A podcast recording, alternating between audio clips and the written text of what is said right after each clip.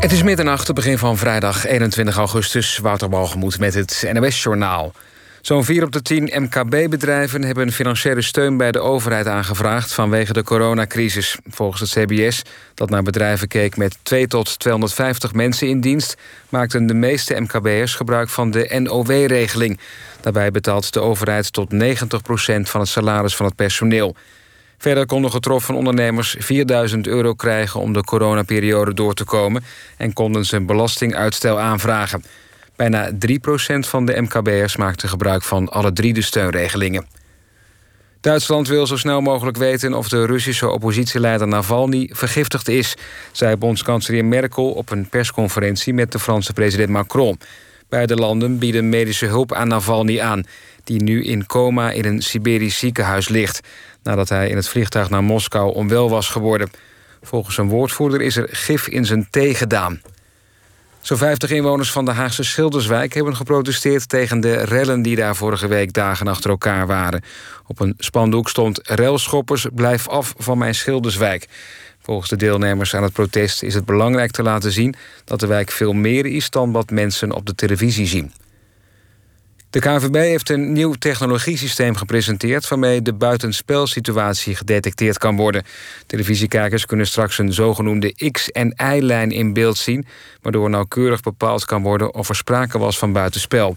Het nieuwe systeem kan de buitenspeldiscussie niet helemaal uitsluiten. Er is een foutmarge van 10 centimeter. Het weer nog is lokaal nog kans op een forse onweersbui. Later in de nacht is het overal droog. De temperatuur komt bijna nergens onder de 20 graden.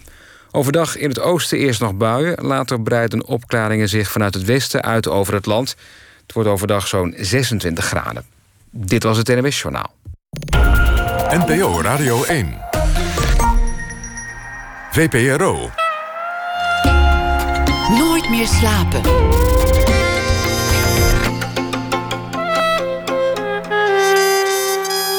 Met Lotje IJzermans. Welkom in de themaweek Big in Japan, waarin we spreken met makers die succesvol zijn in het buitenland. Vandaag praat ik met de Rotterdamse zangeres Sefdaliza die ook componiste, filmmaakster, producer en eigenlijk allround kunstenares zou kunnen noemen. Seftalisa is 32 jaar en wereldberoemd. Van China tot Oekraïne en van Brazilië tot Australië.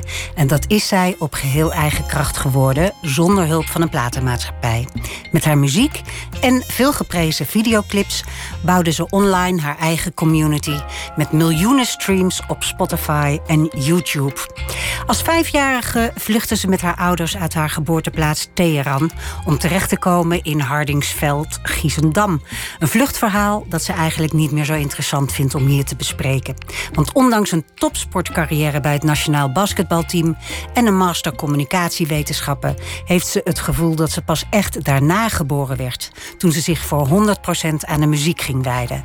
En aan alles wat daarbij hoort natuurlijk, zoals bijvoorbeeld het bedenken en spelen in de Formula, een korte film die ze maakte met Emmanuel Adjé, de regisseur die onlangs ook met Beyoncé Black is King maakte.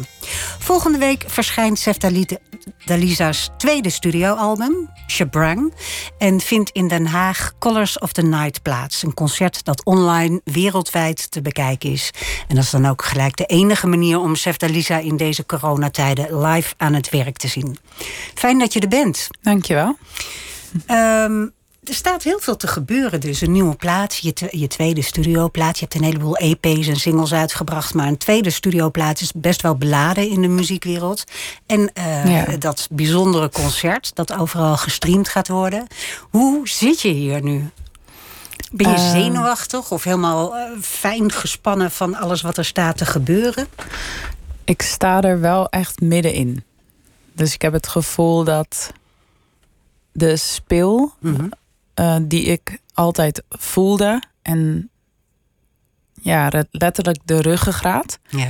dat ik dat juist heel erg heb kunnen herpakken, omdat uh, elementen zoals heel veel reizen zijn weggevallen. Ja. Dus uh, het is gezonde spanning. En dat verhaal van de tweede studioplaat in de muziekindustrie.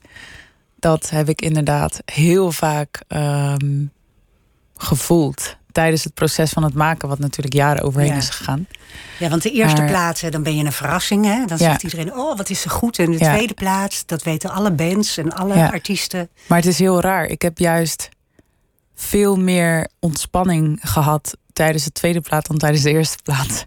We gaan het daar allemaal Ja. uitgebreid over hebben. Maar ik, ik dacht, misschien Ja. is het leuk om even een stuk van een nummer te laten horen... Ja. voor de mensen die jou nog niet kennen. Want hier in Nederland eh, hebben we niet zo door hoe geweldig jij gaat in het buitenland af en toe. Dus laten we even luisteren naar een fragmentje... wat op die nieuwe plaat staat en wat een single is. En dat is eh, Joanna.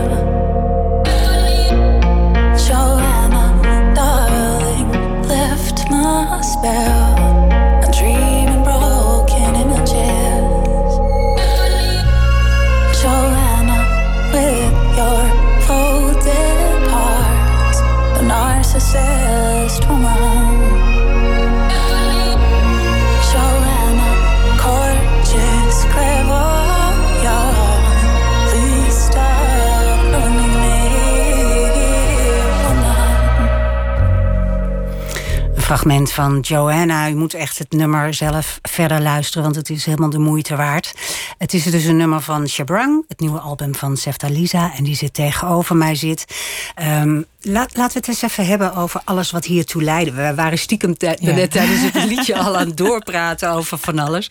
Maar we gaan even terug Ja. naar, eh, naar in 2012. Je, was, eh, je had een master degree in communicatiewetenschappen. Je, je was eh, basketballer op hoog niveau, maar je dacht... Wat gebeurde er? Ehm, er waren meerdere aanleidingen naar dat ik dacht: er zit nog iets daarin.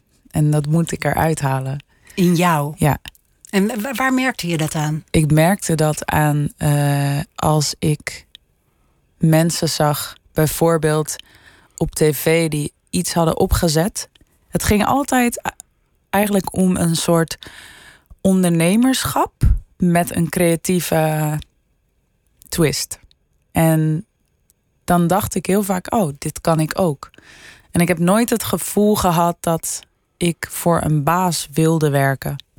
Wat natuurlijk ehm, in mijn geval niet heel eh, voor de hand liggend is. Ik bedoel, je komt hier toch heen als jonge vrouw en je groeit op in een maatschappij waarin, in, in ieder geval in mijn omgeving, werd dat niet per se gestimuleerd. Maar ik, toch merkte ik dat als ik mensen zag om mij heen die dat, eh, dat pad eigenlijk volgden en daar succesvol in waren, dat het dan bij mij heel erg kriebelde en dat ik dacht, hmm, ik wil eigenlijk iets voor mezelf. En dat is denk ik ook omdat ik het gevoel had dat ik ehm, in verschillende werelden ben geïnfiltreerd of geplaatst. En bedoel je dan vanuit Iran in Nederland? bijvoorbeeld, maar ook bijvoorbeeld de wereld van topsport of de wereld van de universiteit. En dat ik toch nooit helemaal op mijn plek was. En dat ik het wel altijd vervolgde en dan inderdaad daarin ook wel echt eh, meeging. Maar het voelde toch niet helemaal als thuis. En ik denk dat eigenlijk de, de meest instinctieve drive is geweest: ik wil een thuis. En als, die, als ik die niet extern kan vinden, dan ga ik dat wel zelf maken. Maar het grappige is dat je had niet al een heel leven met, met beentjes op de middelbare Nee. school. Ik heb nooit muziek gemaakt. nee, dus het is eh, Ja. best wel apart dat je Ja. toen dacht van ik gooi alles overboord Ja. en ik ga nu muziek maken. Hoe heb je dat aangepakt? Eh, ik ben op zoek gegaan naar mensen die mij wilden helpen. Dat was heel moeilijk.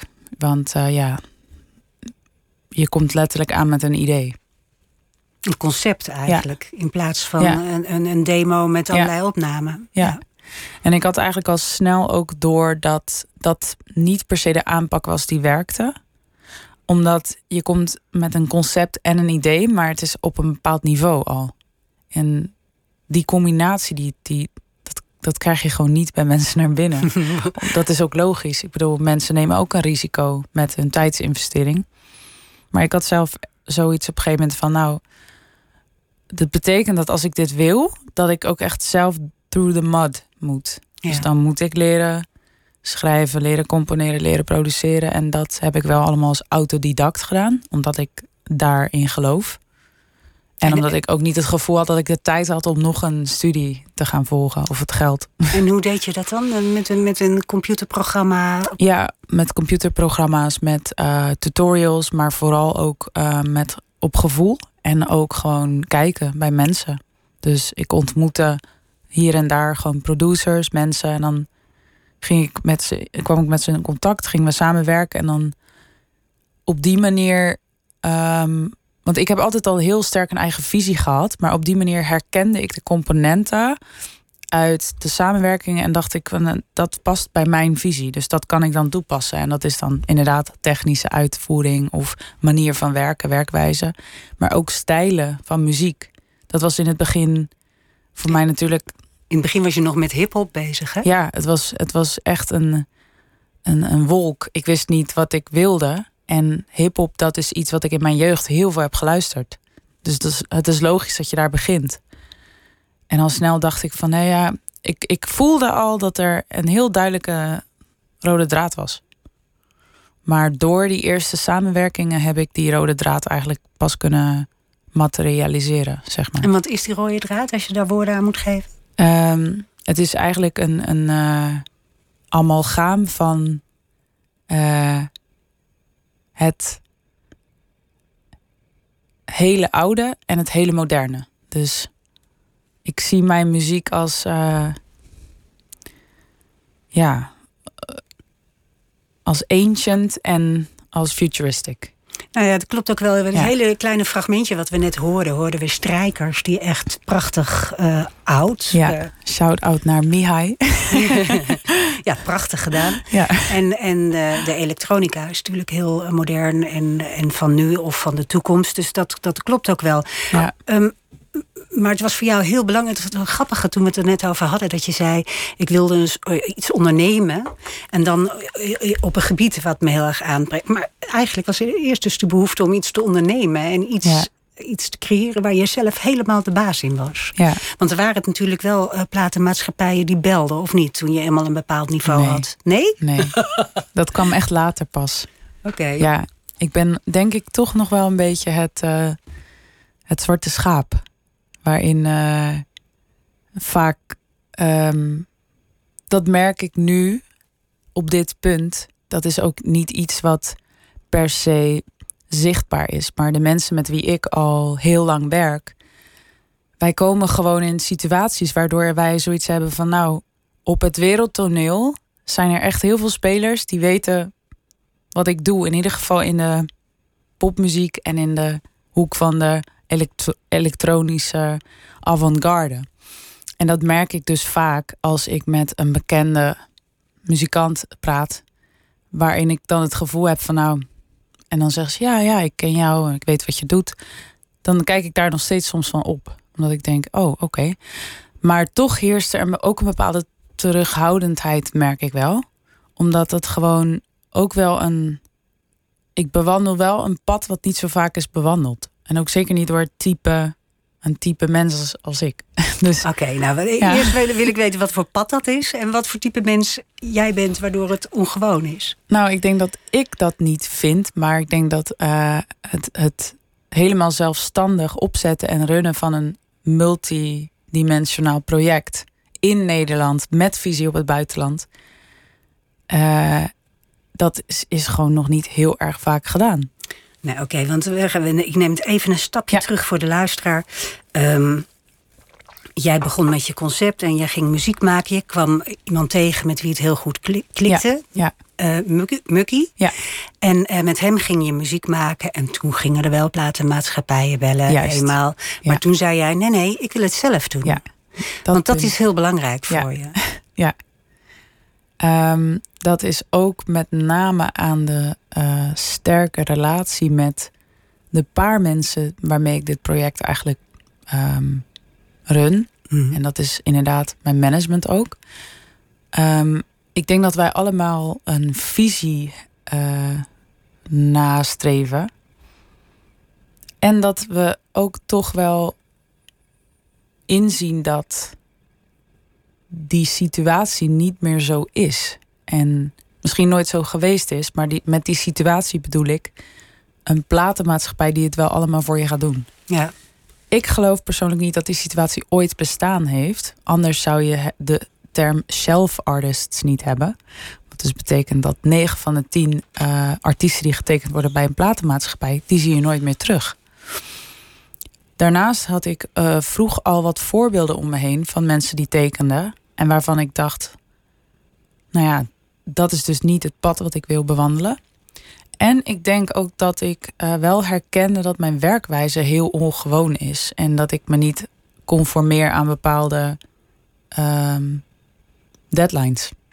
Ja, want als je voor, bij een platenmaatschappij tekent, die willen natuurlijk sowieso een hit. Hè. Ze willen weten wanneer je plaat klaar is, maar ze willen ook een hit. Ja. Waarmee ze hun investering in jou terugverdienen en Mm. een tournee. En eh, voor je het weet word je geleefd. En dat is wat jij niet wilde. Nee, absoluut niet. En toch ben ik wel geleefd. Omdat ik uiteindelijk eh, ja, al het werk zelf deed. Maar dan voelt het alsnog eh, anders. Omdat je dan toch een bepaald leerproces hebt. Wat je daarna, als je daarvan leert en je neemt het mee, dan investeer je het weer terug in je eigen Ja. eh, bedrijf. En dan ga- gaat het niet ten koste van je muziek. Want je hebt gewoon je muziek nog. Is, is Seftaliza een bedrijf of is het één op één jou, jij? Of is het eh, een kunstenaar of een concept? Of Mm, ja, het is mijn leven. ja. Ja. En daar hangt alles aan vast. Je bent, je bent begonnen hè, met je eigen eh, bedrijf oprichten en met je eigen leven op deze manier leiden. Eh, eigenlijk door eh, online muziek te publiceren Ja. en, en videoclips. Mhm. En eigenlijk online een soort community te bouwen Mhm. van mensen die van jouw muziek hielden. En die konden in Rusland wonen of in Brazilië, dat maakte niet uit. Was dat. eh, Dat doen meer mensen, maar die doen dat niet zonder hulp meestal. Dat is toch best wel uniek dat jij dat zo voor elkaar gekregen hebt. Ja, dat eh, durf ik ook wel zeker zo te stellen. En ik denk dat het ook te maken heeft met een bepaalde. eh, het, het zijn gewoon verschillende elementen. Er zit een element aan geluk. En die eh, Six Degrees of Separation, die heb je altijd. Wat is dat? Six degrees of separation? Dat je ehm, toch in contact staat met heel veel lijnen zonder dat je daar zelf direct mee in contact staat. En dat het dan misschien net bij iemand terechtkomt die iets in jou ziet. En ik geloof heel erg in ehm, vanuit een authentieke, pure plek iets creëren. Dat dat zal resoneren met hetgene wat jij. Nou, niet per se wat jij wil, maar wat goed voor jou is. Dus niet eh, what I want, maar what I need. En eh, dat is best wel, ja, een- dat is een beetje abstract, maar zo is het wel bij mij gegaan. Eh, ik heb misschien niet het eh, pop-succes behaald, maar er is wel een bepaalde eh, realiteit ontstaan waar ik heel, me heel erg goed in voel. En dat komt dus omdat het. Eigenlijk sta ik nu in een veld vol met bloemen van zaadjes die ik ooit heb geplant. En niet al die zaadjes komen uit. En dat bedoel ik eigenlijk. Maar ik blijf zaaien. En ja, er komt echt wel veel oogst uit nu. En die oogst is niet per se altijd in geld of eh, in awards, maar die is wel heel vaak in liefde, in zelfverzekerdheid, in verbinding met mensen die heel erg om jouw muziek geven.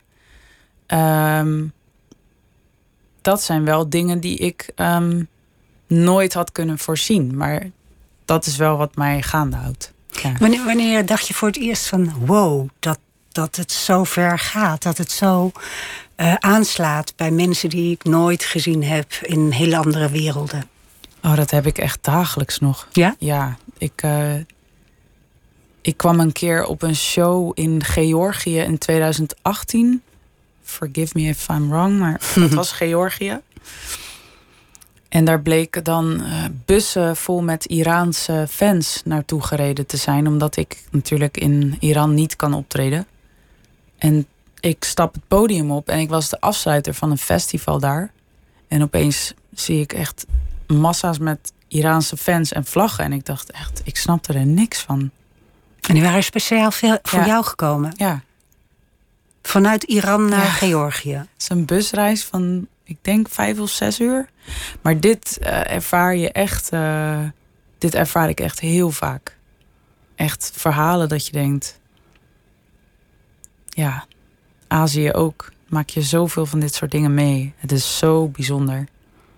En ook mijn Instagram is een soort hub van universal stories. Dus ehm, ik sta direct in contact met, eh, met fans die bijvoorbeeld, of supporters die ehm, bijvoorbeeld in, eh, in Belarus wonen of eh, mensen uit Beirut. Ehm, ik krijg direct allerlei persoonlijke verhalen en, en ja, dat, dat maakt je, voelt je, je voelt je daardoor heel erg eh, universeel verbonden.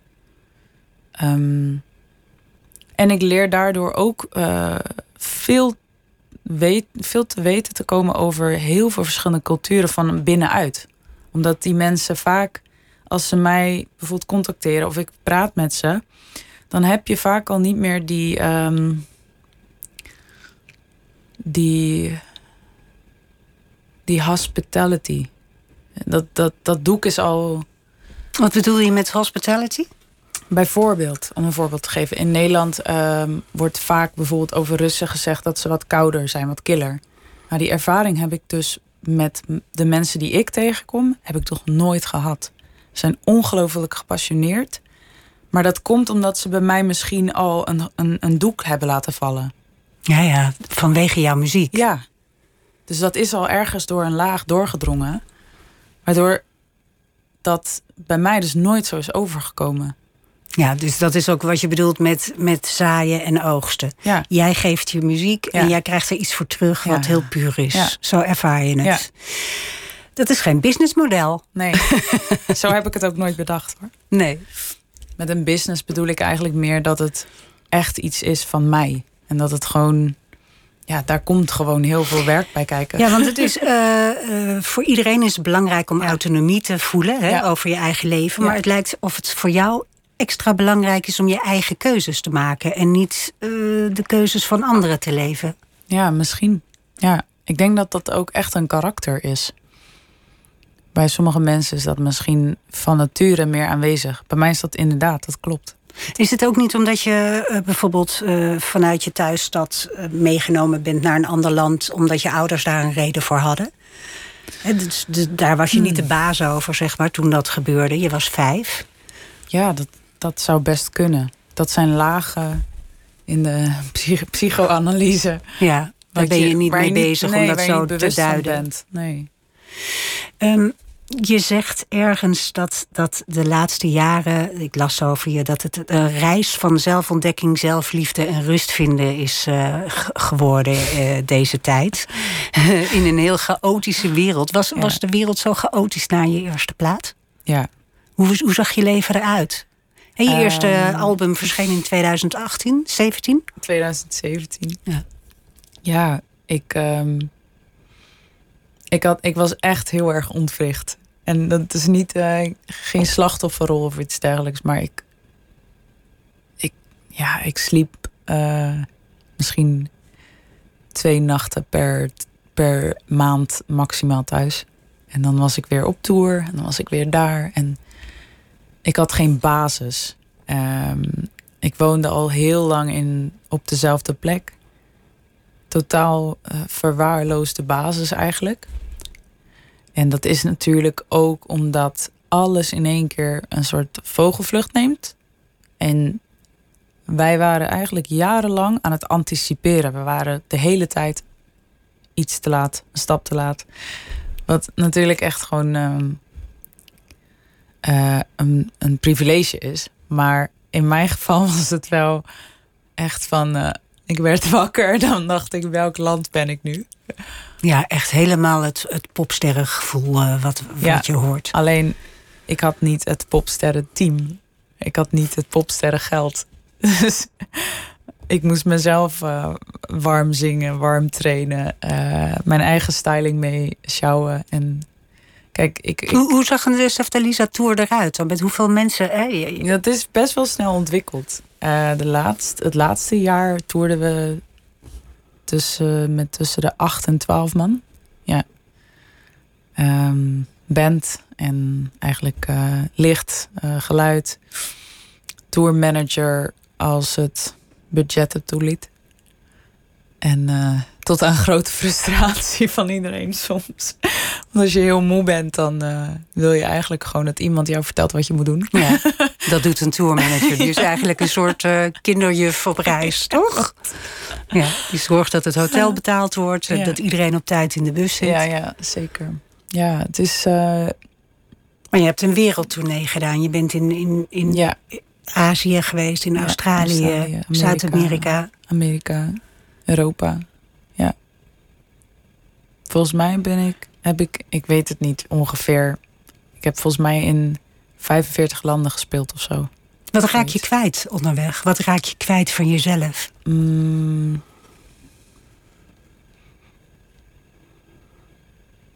Ja, je basis. Als je, die, als je de basis niet hebt, dan ga je wel echt zweven.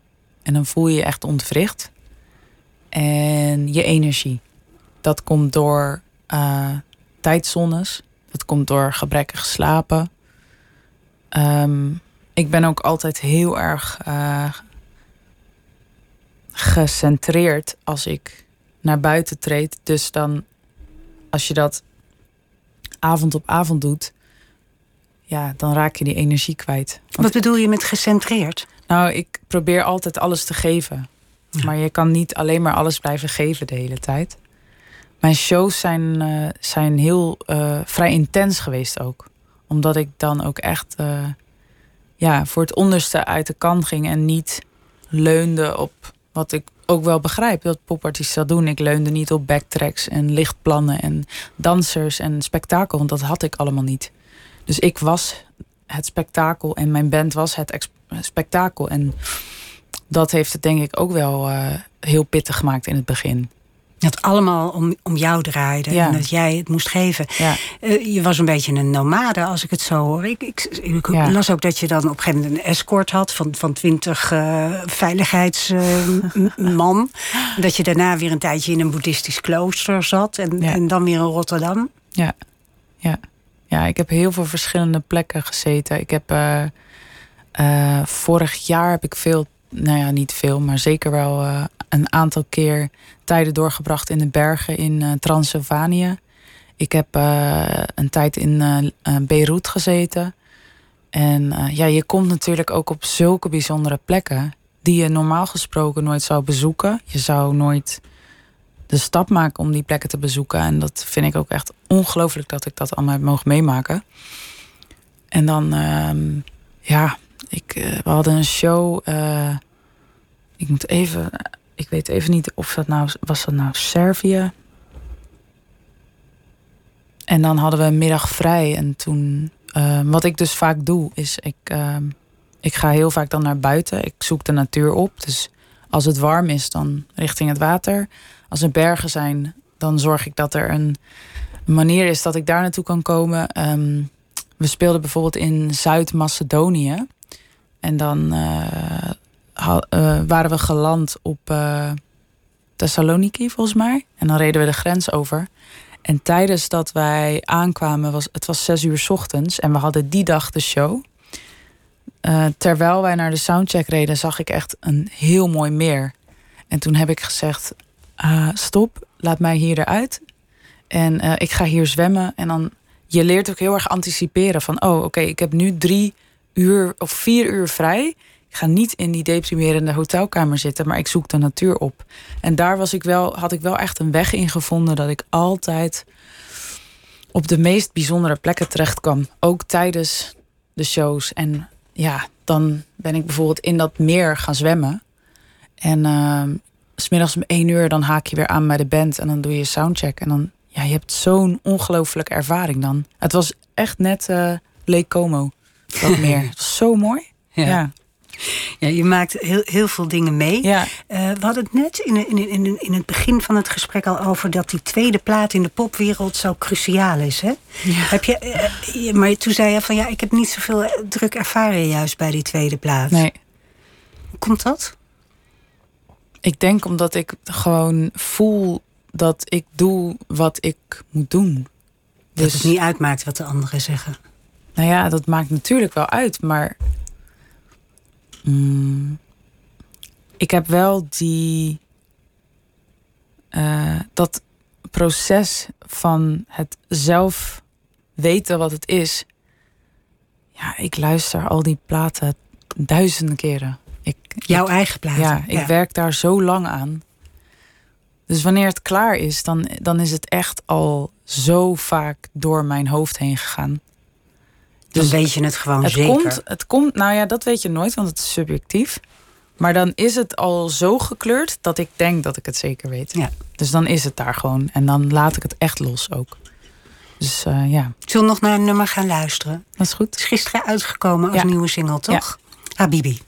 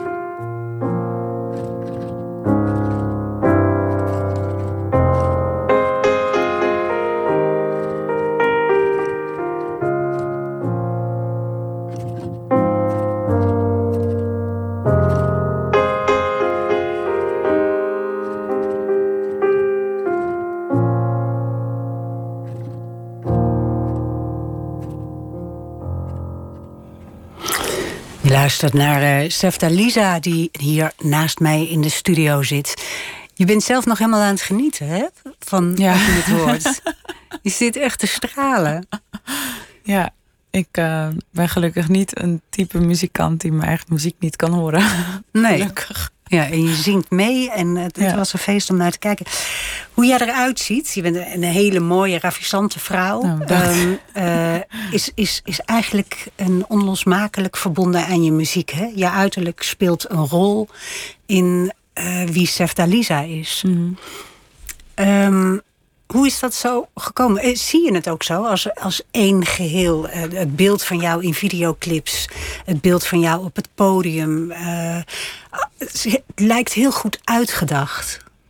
Maar dat klinkt negatief en zo bedoel ik het niet. Hè? Want het is niet een, een, een, een of andere wizard die iets heeft zitten bedenken wat jij moet zijn. Maar het lijkt heel erg in overeenstemming met elkaar. Ja. Ja, het is namelijk gewoon wie ik ben.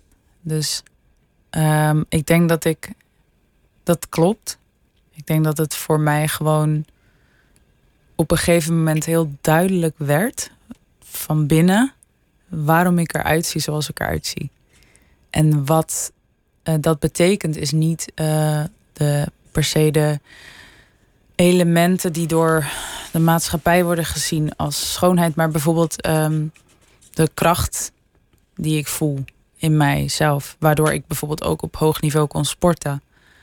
Dat heb ik heel erg gebruikt ook in um, alles wat ik maak. En toevallig was ik vorige week naar een voorstelling van Mark Manders. Dat is een uh, kunstenaar. En um, ik resoneerde daar heel erg mee. En toen las ik toevallig in een uh, biografie dat hij al zijn werk onderdeel uitmaakt van één groot zelfportret. En dat is denk ik uh, wat bij mij ook is. Um, alles is gewoon een zelfportret. Waardoor het dus ook altijd heel erg intens is voor mij. En ja. vaak ook voor andere luisteraars. Omdat uh, zij dat dus blijkbaar voelen. En um, ja, dat beeld dat is gewoon, uh, dat, dat is er gewoon. En dat, hoef ik ook niet per se aan te zetten of zo. Het is niet een, een, een beeld wat, um, wat je wel ziet, inderdaad, dat er voor popsterren wordt een imago gecreëerd. Ja, ik word echt zo wakker. En, en dat is gewoon wie ik dan ben. Maar wat ik wel mooi vind, en dat zie je dus bijvoorbeeld ook bij mensen die een bepaalde sport uh, beoefenen, zoals uh, Simone Biles bijvoorbeeld. Uh, Amerikaanse turnster, dat haar hele lichaam belichaamt zo erg wat zij is als turnster.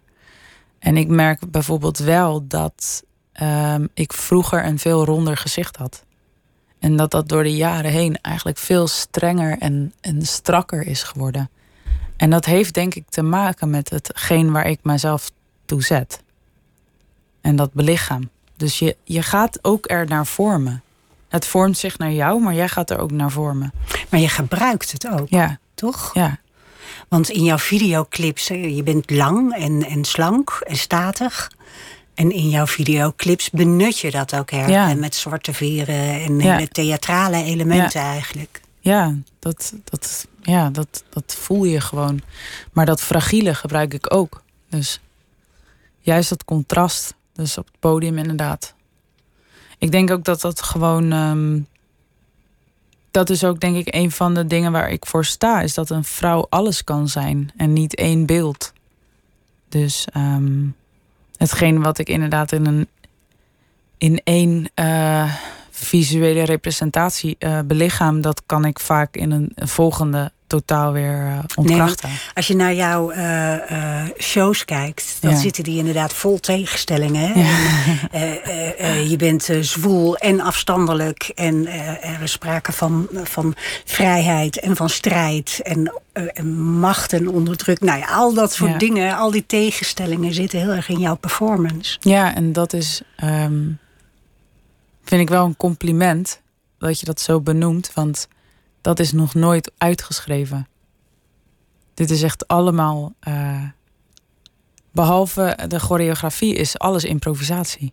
Joh, echt waar? Ja, dus dat is gewoon echt wat er in mij zit. Want ik, ik, Die ik, tegenstellingen. ik heb naar je, naar je concerten zitten kijken de laatste dagen. En ik dacht van, oeh, dit is zo ontzettend ehm, beheerst. Als in Ja, eh, controle hebbend over dat wat er gebeurt. ja. En alles is in samenspel met elkaar of in tegenspraak met elkaar. Maar jij zegt dus dat het, dat het eigenlijk gewoon zo ontstaat, behalve de ja, en dat is dus ook heel mooi. Want ik realiseerde mij ook steeds meer door de jaren heen dat improvisatie is hetgene wat ik het meest kan controleren.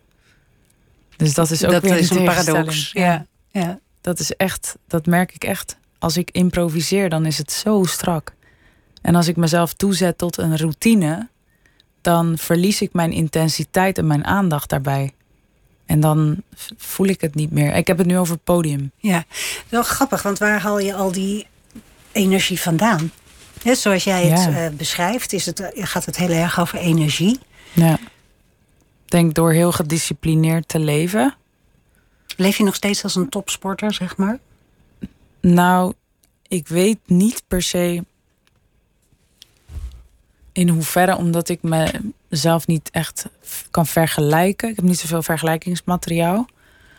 Maar ja, ik kan wel zeker zeggen dat ik eh, gewoon heel gezond leef, denk ik. Naar wat voor mijn idee gezond is. Eh, ja. Dat, dat klinkt toch een beetje mysterieus. Wat bedoel je daarmee? Nou ja, ik weet natuurlijk niet wat het beste dieet is voor een mens of hoe de beste. En ik denk ook dat eh, mensen zijn natuurlijk ook ehm, wezens die zichzelf niet helemaal zien. Dus ik kan denken dat ik iets heel goed doe, maar het kan ook helemaal verkeerd zijn. Dat bedoel ik eigenlijk.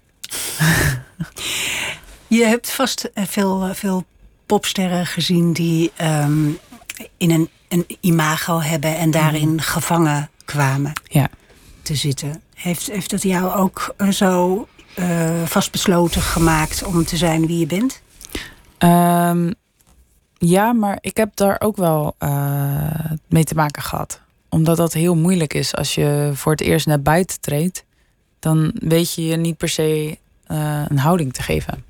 En op een gegeven moment groeide dat bij mij wel. En dacht ik van nou, het maakt niet uit wat mensen zeggen daarover. Maar als ik zelf vind dat, eh, dat ik ook gewoon dit kan zijn, dan kan dat gewoon.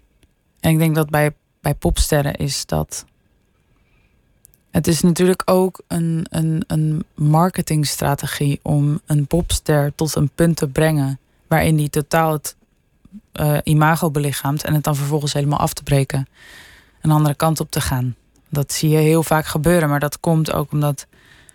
Dat kan vaak niet anders. Je kan niet eh, tien jaar lang hetzelfde imago Nee, belichamen. mensen als Madonna en David Ja, Bowie. of en, een, eh, ja. Justin Bieber, Miley Cyrus. Ja. Er zijn zoveel popsterren, en maar inderdaad ook van de, van de vorige generatie... die echt die imago-switch hebben gehad op een gegeven moment. Dat komt gewoon omdat je als mens verandert. Dus hoe hard een label dat ook pusht... ik denk dat je dat op een gegeven moment gewoon niet meer kan zijn.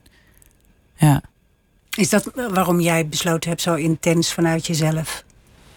Nou, dat was niet per se een. eh, Ik denk dat heel veel dingen niet zo bewust zijn gegaan zoals ze nu lijken. Ja. Dat is het meer. Dus allemaal heel eh, groot onderdeel is eh, intuïtie, intuïtie en gewoon eh, onderbewustzijn. Ja. Ben je daarmee bezig om dat ook echt actief op te zoeken? Die intuïtie en of dat wat je, wat je onderbewuste stem je vertelt? Ja. Want op je nieuwe plaat staat bijvoorbeeld de nummer Wallflower. Ja. En ehm, de tekst daarvan, als ik het goed begrepen heb, hoor, eh, zegt eigenlijk van het was er altijd al. Alleen herkende je het niet toen je klein was. Ja. Of toen je jong was. Ja. Wat, wat de stem, wat je kon, wat je kon zijn. Klopt dat? Ja, dat, dat is zeker wel iets wat daarin zit. En ik denk inderdaad ook dat ik daarin geloof. Dat het leven niet is om jezelf te ontdekken, maar om jezelf te herkennen. Dus, Ben je heel erg bezig met identiteit? Eh, niet per se identiteit naar buiten toe. Nee, maar van wie ben ik? Ja, ik denk wel dat. eh, wie ben ik een van de vragen is. Ik denk dat het meer existentieel is. Dus ook wat is dit? wie zijn wij? Maar Waarom houdt het je Ja. bezig? Ehm, dat is denk ik gewoon een natuurlijk onderwerp. Ja. Het is niet iets wat ik ehm, opgelegd krijg. Dat is echt iets wat, eh, net als bijvoorbeeld het existentiële of opzoeken of bepaalde ehm, topics die jou interesseren als mens. Ik ben altijd bezig met waarom gedragen mensen zich op een bepaalde manier? Wat zit hierachter? Wat, eh, hoe voelen wij ons naar elkaar toe? Hoe bewegen wij ons? Hoe ontwikkelen wij ons? Ik vind dat gewoon heel, eh, dat ja, is ook wel antroposofisch. Ik vind dat heel interessant. Als ik zo met je praat, dan, dan krijg ik ook een gevoel van tegenstellingen. Van aan de ene kant een vrouw die heel erg bezig is met haar intuïtie. Ja, En aan de andere kant vind ik je ongelooflijk gecontroleerd en rationeel. In ook hoe je formuleert, zeg Oh, maar, ja. in dit gesprek. En, en, en, je praat best wel op een abstracte manier. Dus Ja? dat, dat heeft iets Oh, rationeels. En aan de andere Ja. kant heb je dus die enorme energie en die enorme intuïtie waarmee je werkt. Mhm. Dat lijkt best wel met elkaar in, in tegenspraak te zijn. ja dat vind ik wel eh, leuk om te horen. Ik doe dit ook niet het? zo vaak, dus Eh, ik herken inderdaad wel dat mijn eh, taalgebruik niet altijd als heel direct wordt opgevat.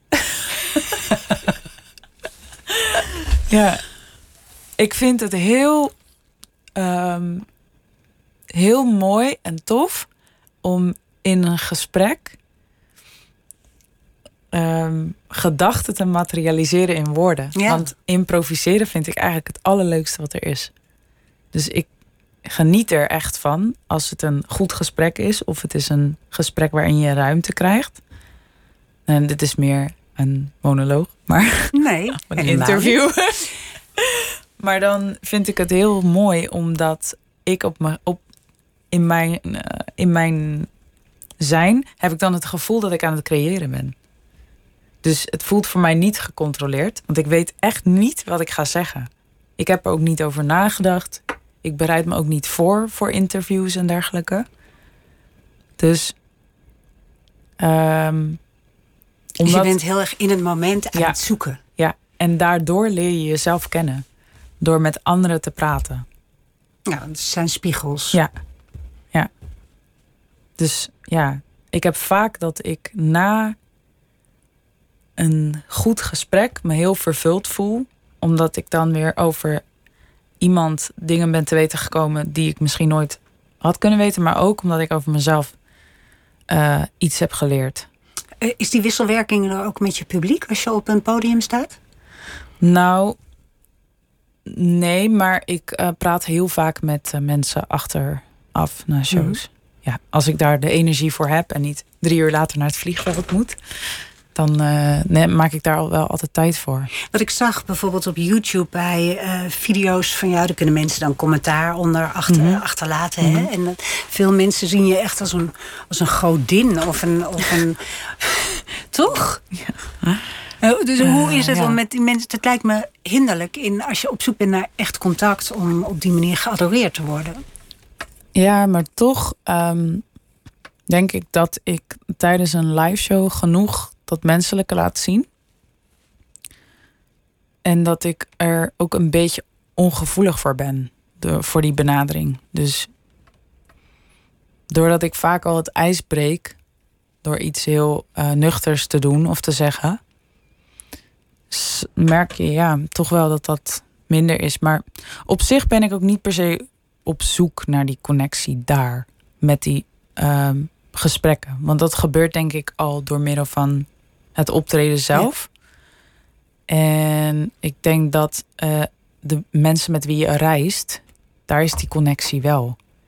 Dus je vindt dat al eh, dan. Alleen, ik denk dat het heel erg belangrijk is voor alle eh, artiesten die veel onderweg zijn, om een stabiele basis te hebben. En om een aantal ehm, mensen in jouw omgeving te hebben, waarin je altijd een soort, waarin je, eh, waar, waarnaar je terug kan vallen. Ja. En ik, ik denk dat dus ook met heel veel artiesten die bekend zijn en die veel reizen, dat het daarin vaak misgaat. Omdat ze dat niet hebben.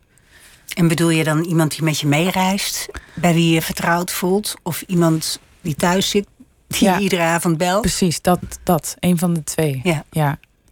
Echt een, eh, een anker. En dat heb jij? Ja, ja. Nu zeker. En dat was in het verleden wel anders. Ja. Dus dat heb ik ook echt moeten ontwikkelen. En moeten realiseren van... ehm, die zaadjes die je plant in je, je muziek en in alles... dat moet je ook doen in je persoonlijke leven. Want anders raak je dat kwijt. Ja. Dan ben je straks een popster met Ja. een heel leeg leven. Ja, Ja. Ehm, je hebt gewerkt met eh Emmanuel Adjé, hè, die ook Ja. met Beyoncé nu heeft Mhm. gewerkt. En eh, met een danser als, en die ook cho- choreograaf is, uh, Gil de Grid. ja. Ehm, dat soort mensen vullen jou aan. Ehm, Ja. Niet?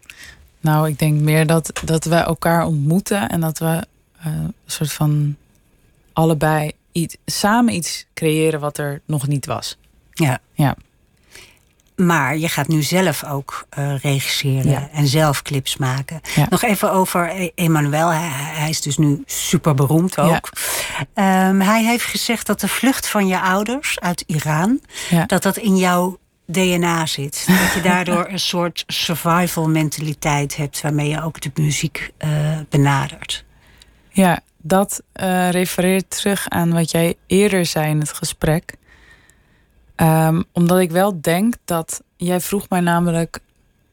ehm, waarom ik dat eh, op deze manier heb Mhm. aangevlogen. En ik denk wel dat hetgene van je hebt geen vangnet, dat heeft altijd heel duidelijk in mijn achterhoofd gespeeld. Dus misschien ga je daardoor toch stapjes verder dan iemand die wel ehm, hier is geboren, hier opgegroeid is, hier familie heeft. En eh, ja, dus ik denk dat hij daar ook aan refereerde. Ja. Dus Je hebt ook ergens gezegd dat je, dat je een heel prestatiegericht kind was. Hè? En die, die Klopt. sportcarrière, Ja. die, die, die, bewijst dat ook wel. ja, Was dat ook omdat je toch een gevoel had dat je... eh, je ouders hadden hier een tweede kans. Dat jij Mhm. dat heel erg moest waarmaken? De kansen die je kreeg? Dat, dat is nog. Ja, dit zijn niet eh, hele bewuste eh, situaties, denk ik, die zich in mijn leven hebben afgespeeld. Natuurlijk herken je wel gedragingen, patronen en denk je achteraf, oh ja, inderdaad. Waarom ben je zo gericht daarop? Mm, Maar dat is op dat moment dan niet bewust eh, nee. dat je dat, ja, dat je dat doet met die gedachtegang. Ik heb het, nu het idee helemaal niet dat je prestatiegericht bent. Maar heel erg... ehm, ontplooiingsgericht of zoiets. Ja, en ook connectiegericht. Echt. Ja, dat zou wel kunnen, ja. Eh, eh, je hebt eh, op deze plaat een cover gedaan van een, van een Ir- Iranees, Iraans Iraanse. zangeres. Ja. Gugush. Ja. Kun je wat over haar vertellen? Ja, zij is denk ik voor mij een van de meest iconische zangeressen uit Iran. En ik denk voor de generatie van mijn moeder ook. En ehm, ja, naast dat zij ehm, verantwoordelijk is gewoon voor een heel groot deel van de meest legendarische catalogus van Iraanse muziek, is zij denk ik ook echt de stem van het volk. Ja? De stem van de vrijheid. Ja, zo wordt ze echt gezien. Zij wordt echt gezien als de moeder van Iran. ja. Ze was in de jaren 60 en 70 heel populair. En vanaf 79 mocht ze natuurlijk niet Ja. meer zingen. eh. Klopt. en, en, en nu is ze geëmigreerd naar Canada. En nu Ja. treedt ze op. Wat is ze? 60, 70? Ja, ik heb haar toevallig nog live gezien in, in december. Ja, het is, het is niet normaal. Echt, die conditie, die stem. Ze is zo prachtig en ze is zo powerful. En ik was echt heel erg vervoerd. Dat concert. eh, ja, daarna, ik vind dat, toen ik dat zag, dacht ik, nee, ik mag nooit meer klagen op tour. dat is echt ongelooflijk. Hoezo? Ja, zij, zij heeft zo'n kracht op die leeftijd en dan de hele wereld overtoeren. En haar stem, ze had echt een dijk van een stem. En je ziet gewoon dat zij kracht haalt uit de liefde voor haar vaderland. Waar ze niet meer kan wonen. Ja. En dat ze dat heel erg bij zich draagt. Ze is heel erg trots. Is Iran nog jouw vaderland? Uh, ja, zeker. Ja. Maar ik voel me ook wel heel erg thuis in Nederland. Ja, ja. ja. Hoe, hoe, vinden je ouders dat je uh, dit pad bent opgegaan? Komen je, komen je ouders kijken naar je optredens? Ja. En uh, ze vinden het volgens mij fantastisch. Ja? ja. Ja. Ja, mijn moeder is ook, uh, die houdt ook heel erg van muziek. Dus ehm, ja, zij zijn echt. Uh, ik denk dat zij wel blij zijn met uh, hoe, het, hoe het is verlopen. En ik denk dat zij gewoon sowieso uh, willen dat hun dochter gelukkig is en opgroeit. Ja, tuurlijk, zoals ja. alle moeders. Laatste vraag, want we zijn ja. bijna aan de tijd. Ja. je schrijft ergens dat kunst en leven aan elkaar gelijk zijn. Ja. Is dat hoe jouw leven is? Is jouw leven kunst? Ja, zo zie ik dat wel. Maar ik, ik, ik denk dat het leven kunst is. Voor iedereen? Ja. Ook als je geen kunst maakt? Ja. En hoe zit dat dan? Nou, net... Wij hebben nu iets gecreëerd met z'n tweeën. Een gesprek. En dat bestaat nu. Dat was hiervoor nog niet. En dat hadden we ook kunnen doen als wij geen kunstenaar waren. En zo zie ik wel het leven. Het is constant creatie. Creatie, creatie, creatie. Inspirerend. heel erg fijn dat je er was. Want ja, uh, je doet niet zo heel veel interviews. En uh, we voelden ons zeer vereerd dat je bij ons te ja. gast wilde zijn. Um, ik vertel nog even dat uh, jouw plaat, Shabrang... die ligt vanaf 28 augustus in de winkels. En het live optreden Colors of the Night... wordt online uitgezonden op 31 augustus. En daar kun je per mobiele telefoon één ticket voor kopen. Toch? Yes, klopt. Heel erg veel succes. Het gaat je goed. Sefta Lisa, dank voor je komst. Morgen ontvangt Atze de Friese zanger George Baker, jawel. Uh, hij had natuurlijk wereldhits met uh, Una Paloma Blanca en Little Green Bag. En dat laatste nummer werd opnieuw een succes... omdat Quentin Tarantino het gebruikte in Reservoir Dogs. Dat dus morgen hier in Nooit meer slapen. Op deze zender zo direct Miss Podcast. En zij ontvangt uh, filosofe Stine Jensen.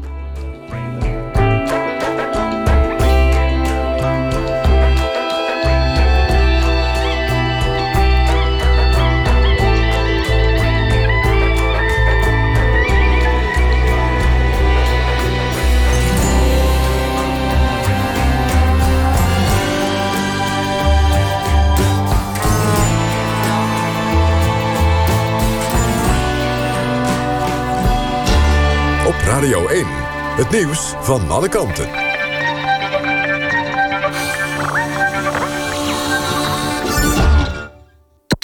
NPO Radio 1. Het is 1 uur, Wouter met het NWS Journaal. Voetbalhooligans waren betrokken bij de rellen in de Schilderswijk in Den Haag vorige week... zei burgemeester Van Zanen in een spoeddebat in de gemeenteraad. Van Zanen wil nog geen besluit nemen over de aanpak van de problemen... zolang er nog een onderzoek loopt naar de exacte oorzaak van de onrust in de wijk. In het spoeddebat werd ook gesproken over incidenten in Scheveningen. Zo werd er vorige week een 19-jarige man neergestoken. Van Zanen onderzoekt of er een limiet moet komen... aan het aantal bezoekers van de badplaats. Zo'n 50 inwoners van de Haagse Schilderswijk hebben geprotesteerd tegen de rellen die daar vorige week achter elkaar waren. Op een spandoek stond Relschoppers, blijf af van mijn Schilderswijk. Volgens de deelnemers aan het protest is het belangrijk te laten zien dat de wijk veel meer is dan wat mensen op tv zien. 40% van de MKB-bedrijven heeft financiële overheidssteun gekregen om de coronacrisis door te komen. Volgens het CBS maakten de MKB'ers vooral gebruik van de NOW-regeling, waarbij de overheid tot 90% van het salaris van het personeel betaalt. Ook konden getroffen ondernemers eenmalig 4000 euro krijgen en konden ze belastinguitstel aanvragen. Brabantse ziekenhuizen krijgen er bijna 100 intensive care bedden bij, meldt Omroep Brabant. Daarmee moet de provincie beter bestand zijn tegen een eventuele tweede coronagolf. De bedden komen in alle ziekenhuizen in Brabant. Ook is er extra beademingsapparatuur besteld. Volgens de ziekenhuizen is er nog wel een tekort aan IC-verpleegkundigen. Het weer nog. Het KNMI heeft voor Groningen en Friesland code oranje afgekondigd. Daar kunnen een paar stevige onweersbuien vallen... met hagel en zware windstoten. Later in de nacht wordt het overal droog... en de temperatuur komt bijna nergens onder de 20 graden. Overdag in het oosten eerst nog buien. Later breiden opklaringen zich vanuit het westen uit over het land. Het wordt overdag zo'n 26 graden. Dit was het NMS Journaal.